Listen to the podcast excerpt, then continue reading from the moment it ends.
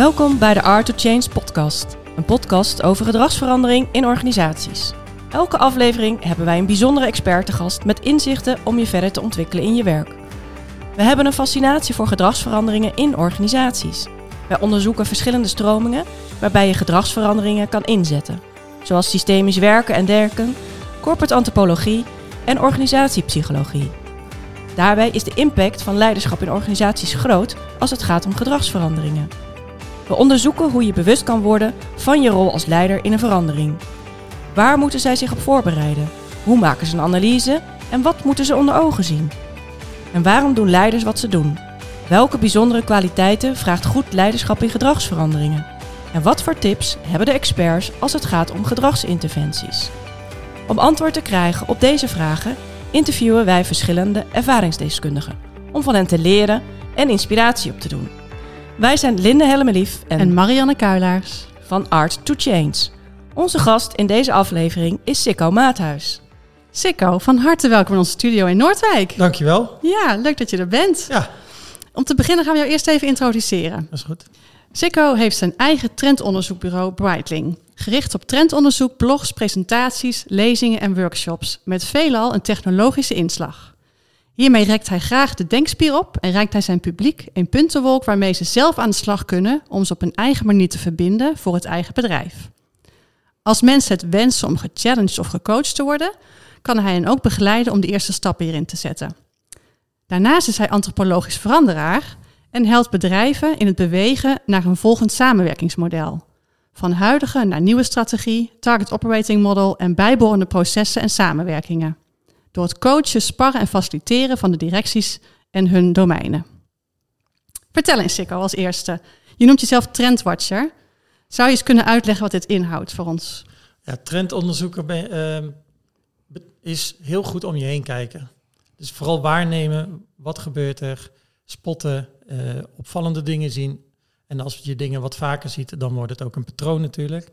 En het leuke is voor mij om die puzzeltjes eh, te leggen en daar dan ook een eh, vertaalbaar verhaal van te maken, waardoor mensen zeggen van hé, hey, ik begrijp het. Dus vandaar ook die puntenwolk. Ik ga niet mensen vertellen hoe ze iets moeten doen of eh, dit wordt het, maar meer van kijk, het kan die kant op, het gaat deze kant op, of je kan ook deze kant op kijken en aan de mensen zelf om daar wat mee te doen. Dus, maar het is vooral ook eerst heel goed waarnemen en dan de vertaalslag maken naar een presentatie of een blog of een lezing. Ja, nou, waarnemen vinden wij sowieso al- ook een heel belangrijk onderwerp inderdaad bij hè, elk werk wat wij ook doen. En maar nu valt voor mij ook het kwartje dat jij het ook koppelt aan eh, ook patronen noem jij bijvoorbeeld ook. Dus dat is voor mij ook wel een, een mooi inzicht. Dat het natuurlijk naar trends, maar net zo goed ook patronen eigenlijk dan weer kan Ja. herkennen. Die natuurlijk voor organisaties ook heel nuttig zijn om die Ja. bewust te worden. En vooral die zwakke signalen spotten, dat is de kunst van een goede trendonderzoeker of futuroloog, hoe je het wil noemen. Oh ja, Ja. oké.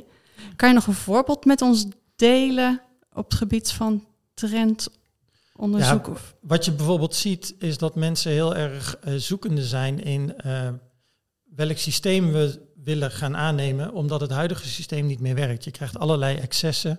Er, is, eh, een, er lijkt overal tekort aan te zijn. De prijzen gaan overal enorm omhoog. Dus het huidige systeem loopt op zijn einde. Je ziet ook soms wereld, bepaalde wereldleiders opstaan en je echt denkt van, is dat nou een wereldleider? En daar vinden we dan allemaal wel wat van, maar we snappen niet hoe die mensen dan aan eh, hun macht komen. En wij als, kunnen pas doorstappen als we geloven in een nieuw systeem. En juist doordat we nu nog niet een ander alternatief hebben ten opzichte van het huidige systeem, voel je heel veel onrust bij mensen en stress en druk, al dan niet onbewust. Dus je merkt ook dat mensen soms wat kortaf of wat onvriendelijker kunnen reageren dan je misschien vroeger gewend was. Omdat ze onbewust eigenlijk een hogere mate van stress bij zich dragen. Zeker nu met de oorlog op het, in het nieuws. Dat helpt allemaal niet om afstand te kunnen nemen van zaken en eens even goed te bekijken van hé, hey, waar moeten we nu naartoe? En ga je veel sneller in wat moet ik nu doen om nu te overleven. Ja, dank. Dat is een heel actueel voorbeeld. Ja. Ja. Sikko, als je dan zo'n lezing hebt gegeven en mensen zijn geïnspireerd, eh, wat gebeurt er dan daarna? Ik heb bijvoorbeeld eh, een paar weken geleden ook een avondlezing gegeven en daarna met die mensen gedineerd. En dan zie je dat ze helemaal eh, open en aan zijn en eh, geïnspireerd. Ja. En eh, wat ik dan merk is dat het veelal dan daarna vrij stil valt. En dan heb dat heb wel eens mensen gebeld en die waren dan weer zo in hun dagelijkse patroon weer gestapt dat het eigenlijk weggeëpt was. Oh. Ehm, wat ik ook heb meegemaakt is dat iemand me heeft teruggebeld en die zei, joh, ik vond het zo inspirerend, ik wil hier met mijn team wat mee doen. Ja. En daar heb ik dus dan ehm, workshops eh, gefaciliteerd, zodat ze met hun eigen inspiratie ook echt concreet aan de slag zijn gegaan. Dus dat is eigenlijk een stap na de inspiratie Ja. uit bijvoorbeeld de lezing. Want wat houdt het dan in? Het- ik had dus een lezing gegeven en daarna wilden ze ook echt met hun afdeling daar eh, stappen in gaan zetten. Maar ze wisten niet zo goed hoe, want ze hadden zoveel informatie tot zich gekregen, was zo'n grote puntenwolk, dat ze even graag gefaciliteerd wilden worden en van welke punten uit die puntenwolk ga ik voor mezelf kiezen. En daar hoort natuurlijk ook bij van hoe ver eh, is het nu bereikbaar en in hoeverre is onze organisatie er klaar voor. Dat is een voorbeeld van een stap die Ja. ik dan in zo'n workshop doe. Ah, ja. En op die manier hebben ze voor zichzelf een eh, roadmap kunnen maken voor de komende acht maanden was het geloof ik in hun geval. Om daar ook echt stappen in te gaan zetten en dingen te gaan doen. En met eh milestones en alles erbij. En daardoor werd het in één keer heel concreet wat je in zo'n inspiratiemoment hebt gehoord. En dat is superleuk om te zien, want daarna gaan ze er echt mee aan de slag. En als je dan later terug hoort van, nou ja, ze zijn dit en dat gaan doen, denk je, ah dat klopt. Dat heb ik met hun toen en toen, eh, was dat een bolletje in het Ja. schema en eh, het bestaat. En dat is wel echt heel tof om te zien. Ja, dus je hebt hier een mooi voorbeeld gegeven dat mensen ook nodig hebben dan om na die inspiratie ook echt een keuze te maken, denk ik Ja. enerzijds, maar dan ook praktisch te vertalen naar eh, een eigen situatie en een, echt een plan erop te maken voor een Ja. roadmap. Ik zeg altijd, oké, wat ga je dan nu morgen doen? Wat doe je over twee weken? En wat doe je over twee maanden? En waar wil je over een jaar staan? Dat is een beetje de denkwijze die ik dan hanteer. Ja. Ja. Ja, veranderen. Je bent continu eigenlijk aan het veranderen, hoor ik uit je verhaal. Eh, en continu op zoek naar nieuwe trends. En ehm, veranderen kost, eh, geeft veel energie, maar kost ook heel veel energie. Hoe hou jij dat eigenlijk vol? Sporten, Ja, eh, lekker koken, met mijn gezin eh, lekker genieten van eh, wat ik heb gekookt. Dat is mijn ontspanning en mijn oplaadmoment. En ja, mezelf ook blijven ontwikkelen. Dus mede ook door trendonderzoeken lees ik veel en produceer ik ook veel. En daar wil ik ook nog, me nog verder in verdiepen. Dus ik zeg ook wel eens voor de eh, grap, maar misschien wordt het wel steeds serieuzer, is dat ik de Gert Leonard van Nederland wil worden. En Gert Leonard is wereldberoemd trendonderzoeker, futuroloog. Hij komt Ja. uit Zwitserland. Ja. Die man zit ook veel op het technologisch vlak. Nou, dat zijn vrij grote schoenen om te vullen, maar ik vind het een ontzettend inspirerende, mooie man. En ik had zoiets van, hey, als ik dat op mijn manier ook dat niveau kan bereiken, dan eh, kan ik rustig sterven, zeg maar. Eh, Ja. Dan heb ik het wel echt knap gedaan. mooie dromen. Ja, zeker. Ja, we zien ook als eh, veranderaars best wel veel trends hè, binnen de organisatie al op gebied van eh, gedragsverandering. En eh, je ziet ook veel, bijvoorbeeld het systemische is heel erg opkoming in organisaties. Daar waar problemen zijn in de organisatie, kijk je niet alleen naar het probleem zelf, maar ook naar de onderliggende situatie, echt naar de onderstroom en de dynamieken.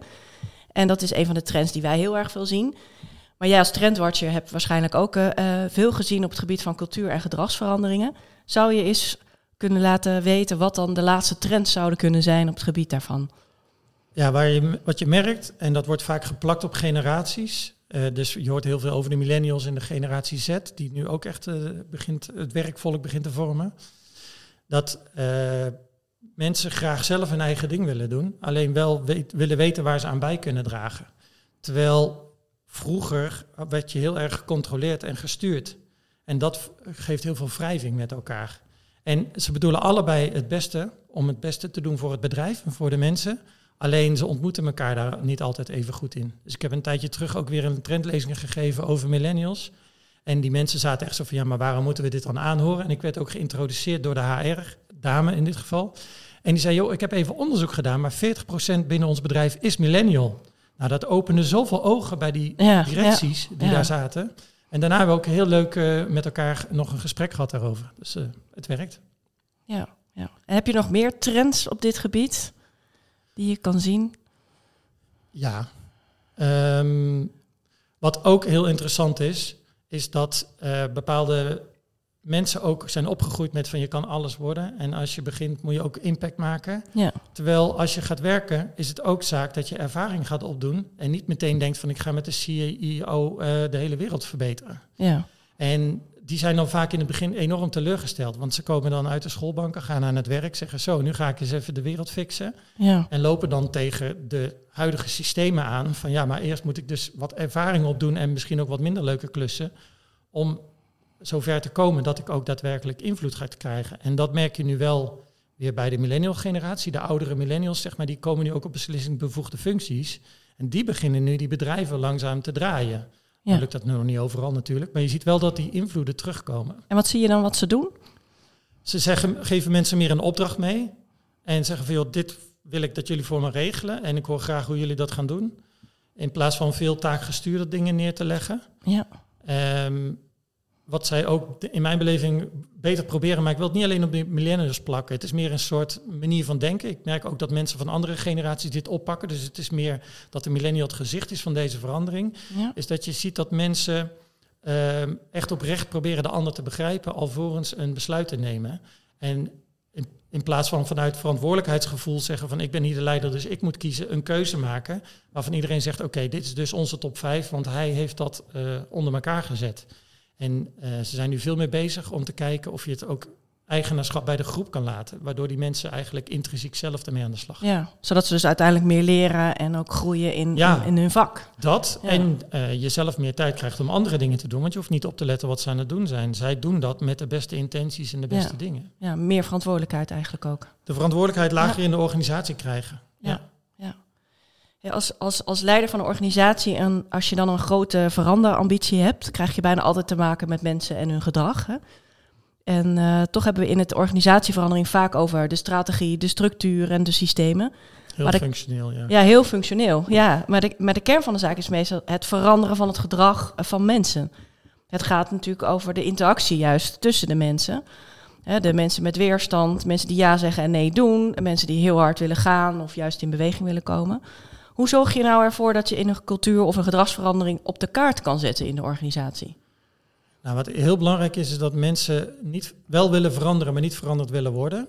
Ja. Dus als mensen de noodzaken niet van inzien of niet zien dat van je vlot afstappen en een stuk zwemmen in de rivier naar een veel beter, mooier, groter vlot, dat is, klinkt super spannend. Dat voelt meteen bij mensen in de buik. Als je ze dan laat zien van ja, maar er is echt een mooier alternatief verder weg. Ja, Maar dan moeten we samen naartoe. Eh, dan krijg je ze mee. En dat wordt vaak overgeslagen omdat dat tijd en geld kost. En daar hebben ze dan geen zin in. Als je nou gewoon ons plan uitleggen, dan is het toch logisch dat ze meegaan. ja, Dus dat is er één. Eh, het wordt ook wel op veel plekken in ivoren torentjes bedacht. Van dit is echt heel goed voor onze afdeling. En die mensen wordt niks gevraagd. nee, Laat nou net millennials en generatie Z daar enorm hekel aan hebben. Vraag het die mensen, zeg ik ook altijd. ja, je hoeft niet altijd met ze één te zijn, maar luister, laat ze in ieder geval eh, zien dat je ze hebt begrepen en dat je goed hebt nagedacht. En dan terugkoppelt van, goh, nou, alles gehorende hebben, is dit mijn conclusie. ja, De chief gaat in bad, zouden ze in antropologie zeggen, zeg maar. ja. Dus dat, dat is een hele belangrijke. Ehm, Maar kan je misschien een beetje uitleggen wat je daarmee bedoelt? Hè? Ja. Voor degene die niet eh, nee, ik, antropologie ik had het, ehm, wat ik daarmee bedoel, is dat je dus echt iedereen hoort. Ja. Eh, dan al die informatie meeneemt naar een rustig punt, waar je misschien wel gesouffleerd wordt door een paar mensen. En dan eh, daar ook mee kan sparren. En dan terugkomt naar de grote groep van, goh, ik heb alles gehoord.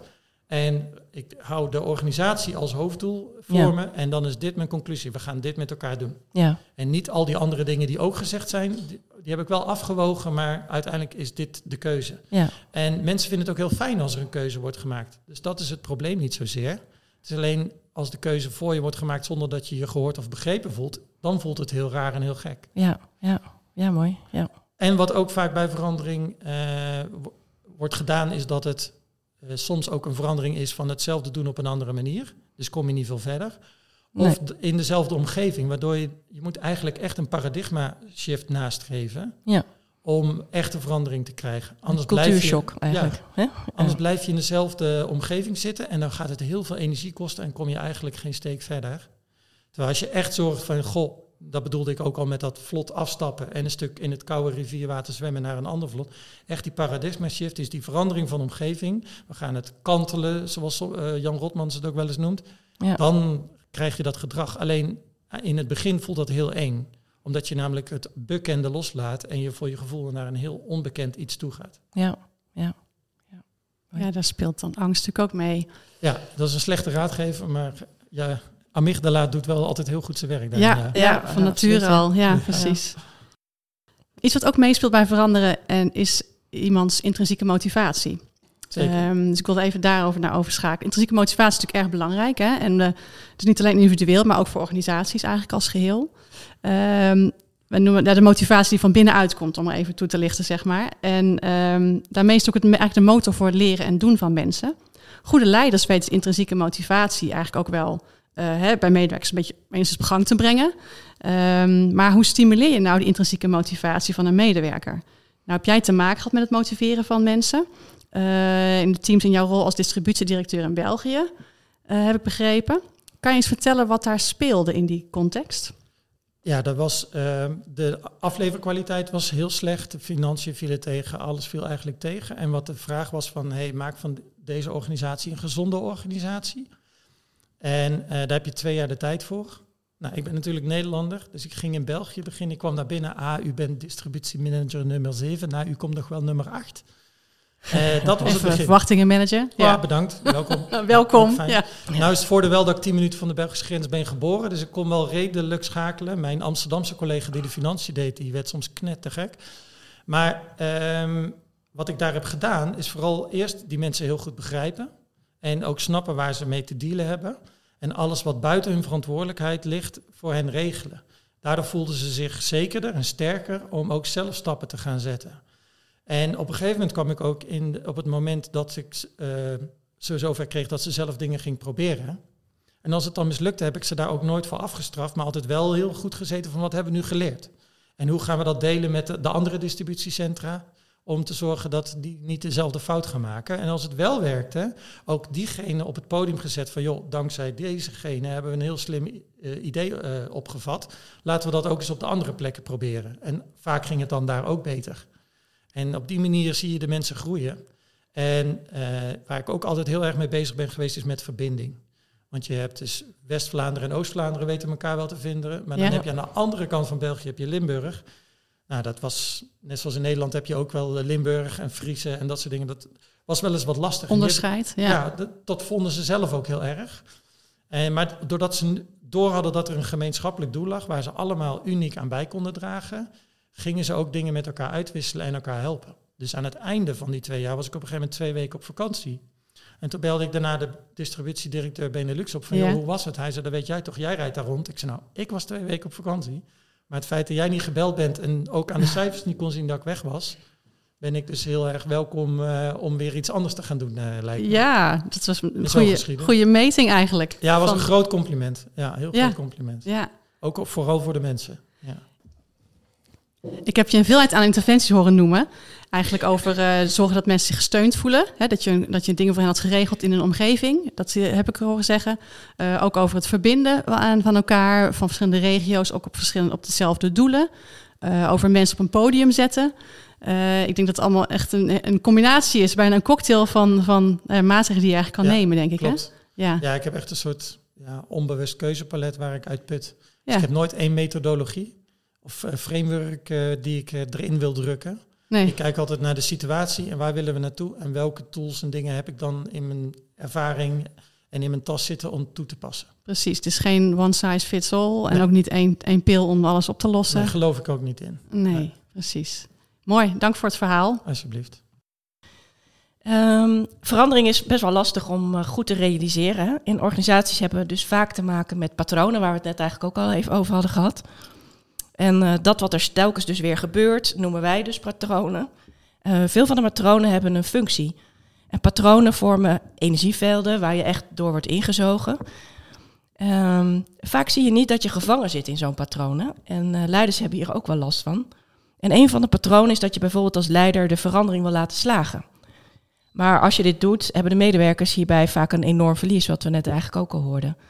Het wordt nooit meer zoals voorheen. Dus eigenlijk moet je als leider de verandering laten slagen. Maar aan de andere kant mag je hem niet laten slagen, want de mensen hebben een enorm groot verlies. Welke niet helpende patronen zie jij terug bij leiders in een verandering? Oh, daar lacht hij. Ja. Ik ondertitel even. Ja, dat mag. Um, kijk, wat leiders hebben heel erg hoog verantwoordelijkheidsgevoel om het goed te doen. En daardoor heb ik het idee dat ze ook te vaak zelf snel instappen met het antwoord wat ze eigenlijk al zien liggen. Ja. Waardoor ze in mijn beleving minder van de groep laten zijn. En mensen dus in opdracht van de leider het gaan doen. In plaats van dat ze het zelf willen dat ze het gaan doen. Dus dat is één. Um, wat ook heel belangrijk is, is dat leiders vaak ook functioneel heel erg uh, er bovenop zitten. Ja. Maar weinig tijd maken om de mens ook echt te begrijpen. Wat motiveert diegene? Wat zit er nou achter? Want als je dat weet, kan je diegene ook echt iets meegeven waarmee die intrinsiek aan de slag gaat. Ja. Dan wel ook waarschuwen van, joh, we gaan nu inderdaad even door misschien een pijnlijke fase. Ja. Maar ik heb jou hier wel bij nodig. Dus ja, ze weet- zijn heel erg functioneel dus bezig in plaats Ja. van echt verbinden met, Exact. met de medewerkers. Ja. Ja. Dus dat. Ehm, wat had ik nog meer? Ja, wat ook heel belangrijk is, is dat eh, vaak zijn ze heel erg aan het waarnemen om zich heen. Van wat gebeurt er en wat loopt wel en wat loopt niet. En wat daar heel belangrijk ook aan, wat ik daaraan graag aan zou willen toevoegen, is ook heel goed luisteren. Dus niet alleen erbij zitten van hoe, eh, hoe zie ik het gaan, maar ook wat hoor ik, wat Ja. gebeurt er om me heen en hoe gaan dingen met elkaar. Zodat je ook die eh, antenne meeneemt in je, wat je ervaart. Dat is wel een hele belangrijke. En niet alleen eh, eh, horen misschien, maar ook wat er niet gezegd wordt. Ja, vooral dat ook voelen inderdaad. voelen. Ja. En eh, wat ook heel belangrijk is, is gebruik ook de hersencapaciteit van je mensen. Dus stel een vraag. Ga niet met een oplossing komen of met alleen maar een richting, maar zeg van jongens, volgens mij hebben we een kans daar en daar. Hoe denken jullie daar dat we daar kunnen komen? En daardoor Ja. meer faciliterend op te treden van oké, als we dan deze weg gaan bewandelen, wat hebben jullie daar dan van nodig? Want dan ga ik dat voor jullie regelen. Ja. En dan die mensen meer in staat te stellen. Dus eh, in de Turn a Ship Around, dat is een YouTube-filmpje van een eh onderzeeër eh, kapitein. Ja. Die heeft dan ook zo'n plaatje en dan zie je zo'n marionettenpoppetjes met de kapitein. En wat hij doet is eh, alle hersenen van die mensen aanzetten. En daardoor krijgt hij een soort tsunami aan eh, ja, capaciteit beschikbaar. Waar Ja. hij in zijn eentje niet die hele onderzeeër op kan besturen. Maar die mensen doen dat met elkaar en hij is een onderdeel van het geheel. Ja. En daardoor eh, werd hij een van de beste onderzeekapiteins ooit in de Amerikaanse marine. Ja. ja, dus niet echt inzoomen op alleen de delen, maar echt een onderdeel gaan worden Ja. van het geheel. In plaats van dat je erboven hangt. Ja, Ja, mooi. Ja. ja. Ja, dank. Wij zijn ehm, toe aan de laatste vraag, Tico. Ehm, wij willen met onze podcast ook echt heel erg graag leren en inspireren. Eh, niet alleen voor onszelf, maar vooral ook toe voor de luisteraars. En eh, dat is ook een van onze waarden van on- onze onderneming. Dus zou je eens willen vertellen, hoe zorg jij voor inspiratie voor jezelf? voor mezelf. Ja. Ehm, sowieso de natuur ingaan. Even zonder apparaten en spullen en dingen. Eh, na- daarnaast ben ik trendonderzoeker, dus kijk ik eigenlijk de hele tijd om me heen. En Ja. haal juist ook uit totaal andere plekken dan waar ik mezelf graag in begeef, haal ik inspiratie vandaan. Eh, bijvoorbeeld? Eh, buiten op straat, stickers op lantaarnpalen. Oh ja. Ehm, ik was nu in Schotland en dan gewoon vorige week. Ja. Dan kijk ik gewoon hoe mensen om, om me heen reageren aan dingen aan het doen zijn, zich kleden. Ik heb verder niet zoveel zelf met kleden, maar juist dan maar daarop te triggeren en mijn eigen denkspieren in op te rekken. En zorg ook dat je mensen spreekt die niet per se in jouw denkpatronen of in jouw denkwijze passen, maar juist jou ook durven uit te dagen of een totaal andere mening eh, gesterkt zijn. En dan eh, het gesprek aangaan op de inhoud. Dan kun je het niet per se met diegene eens zijn, maar wel oprecht proberen diegene te begrijpen. Om van daaruit ook weer jouw eigen visie en je eigen kennis te verbreden. Zoek je dus actief op mensen met Ja. andere mening. En ja, mooi. Dus dat zijn eigenlijk de hoofddingen hoe ik het doe. Goede tips. En daar, daarmee onthoud ik ook vooral het, eh, het observeren wat je, dus kon, wat je ook dus doet. En het waarnemen vanuit je verschillende rollen. Dat dat dus ook weer past ook bij waar je ook de inspiratie vandaan haalt. Ja, En om nog één ding eh, toe te voegen, wat ik ook heel bewust inbouw, is eh, denktijd. En ik hou erg van koken, dus ik ga dan uitgebreid koken bijvoorbeeld. Om alles wat ik tot me heb genomen, alles wat ik gesponst heb, ook bij mezelf in mijn archiefbrein te kunnen krijgen. Want als je maar doorgaat en doorgaat en doorgaat, Ja. dan blijf je maar informatie sponsen. Dan blijf je maar van podcast naar podcast gaan of eh, blijf je binge-watchen of boeken lezen. Maar je moet ergens ook een moment vinden om het even te laten landen en dan daar een, voor jezelf een koek van te bakken die je dan vervolgens kan gebruiken of toepassen. Of presenteren in mijn geval. ja dat je het echt even kan verwerken. eh, Ja. Die Dus even uit het eh, dagelijks leven stappen in de zin van eh, doorgaan, doorgaan, doorgaan en werken, werken, werken, maar eh, rust. En daarom begon ik ook eigenlijk met de natuur in. ja. Dus ook weer gewoon weer echt weer even voelen hoe het is. Ja, bij Ja. jezelf ook voelen. Ja, dank. Je hebt geluisterd naar de podcast De kunst van gedragsverandering in organisaties van Art to Change. Onze gast van vandaag was trendwatcher en antropologisch veranderaar Sikko Maathuis. Sikko, hartelijk dank voor je komst naar onze studio in Noordwijk aan Zee. Graag gedaan. We hebben vandaag natuurlijk gesproken over wat een trendwatcher eigenlijk doet en welke trends we zien op het gebied van uh, gedragsverandering. Een mooie betoog over intrinsieke motivatie, hoe je dat zou kunnen doen. En over dysfunctionele patronen voor leiders. Uh, nou ja, en een mooie manier van hoe je inspiratie eigenlijk ook op kan doen, zonder dat je naar een cursus of een training kan gaan. Om alvast een tipje van de sluier op te lichten. Eh, in onze volgende podcast is hoogleraar gedragsverandering en maatschappij, spreker en ondernemer Rick van Baren te gast. Vond je het interessant? Dan kun je een paar dingen doen. Deel de podcast met andere mensen, collega's of vrienden, iedereen die eigenlijk wel wat inspiratie en kennis kan gebruiken in het werk. Check ook de andere afleveringen in de serie De kunst van gedragsverandering in organisaties op Spotify en op onze website www.hardtochange.nl. Maak deze aflevering je favoriet en geef je waardering met een aantal sterren. En abonneer je op onze podcast, dan hoef je geen enkele aflevering meer te missen. Wij zijn Art to Change. Dank voor het luisteren en tot de volgende keer.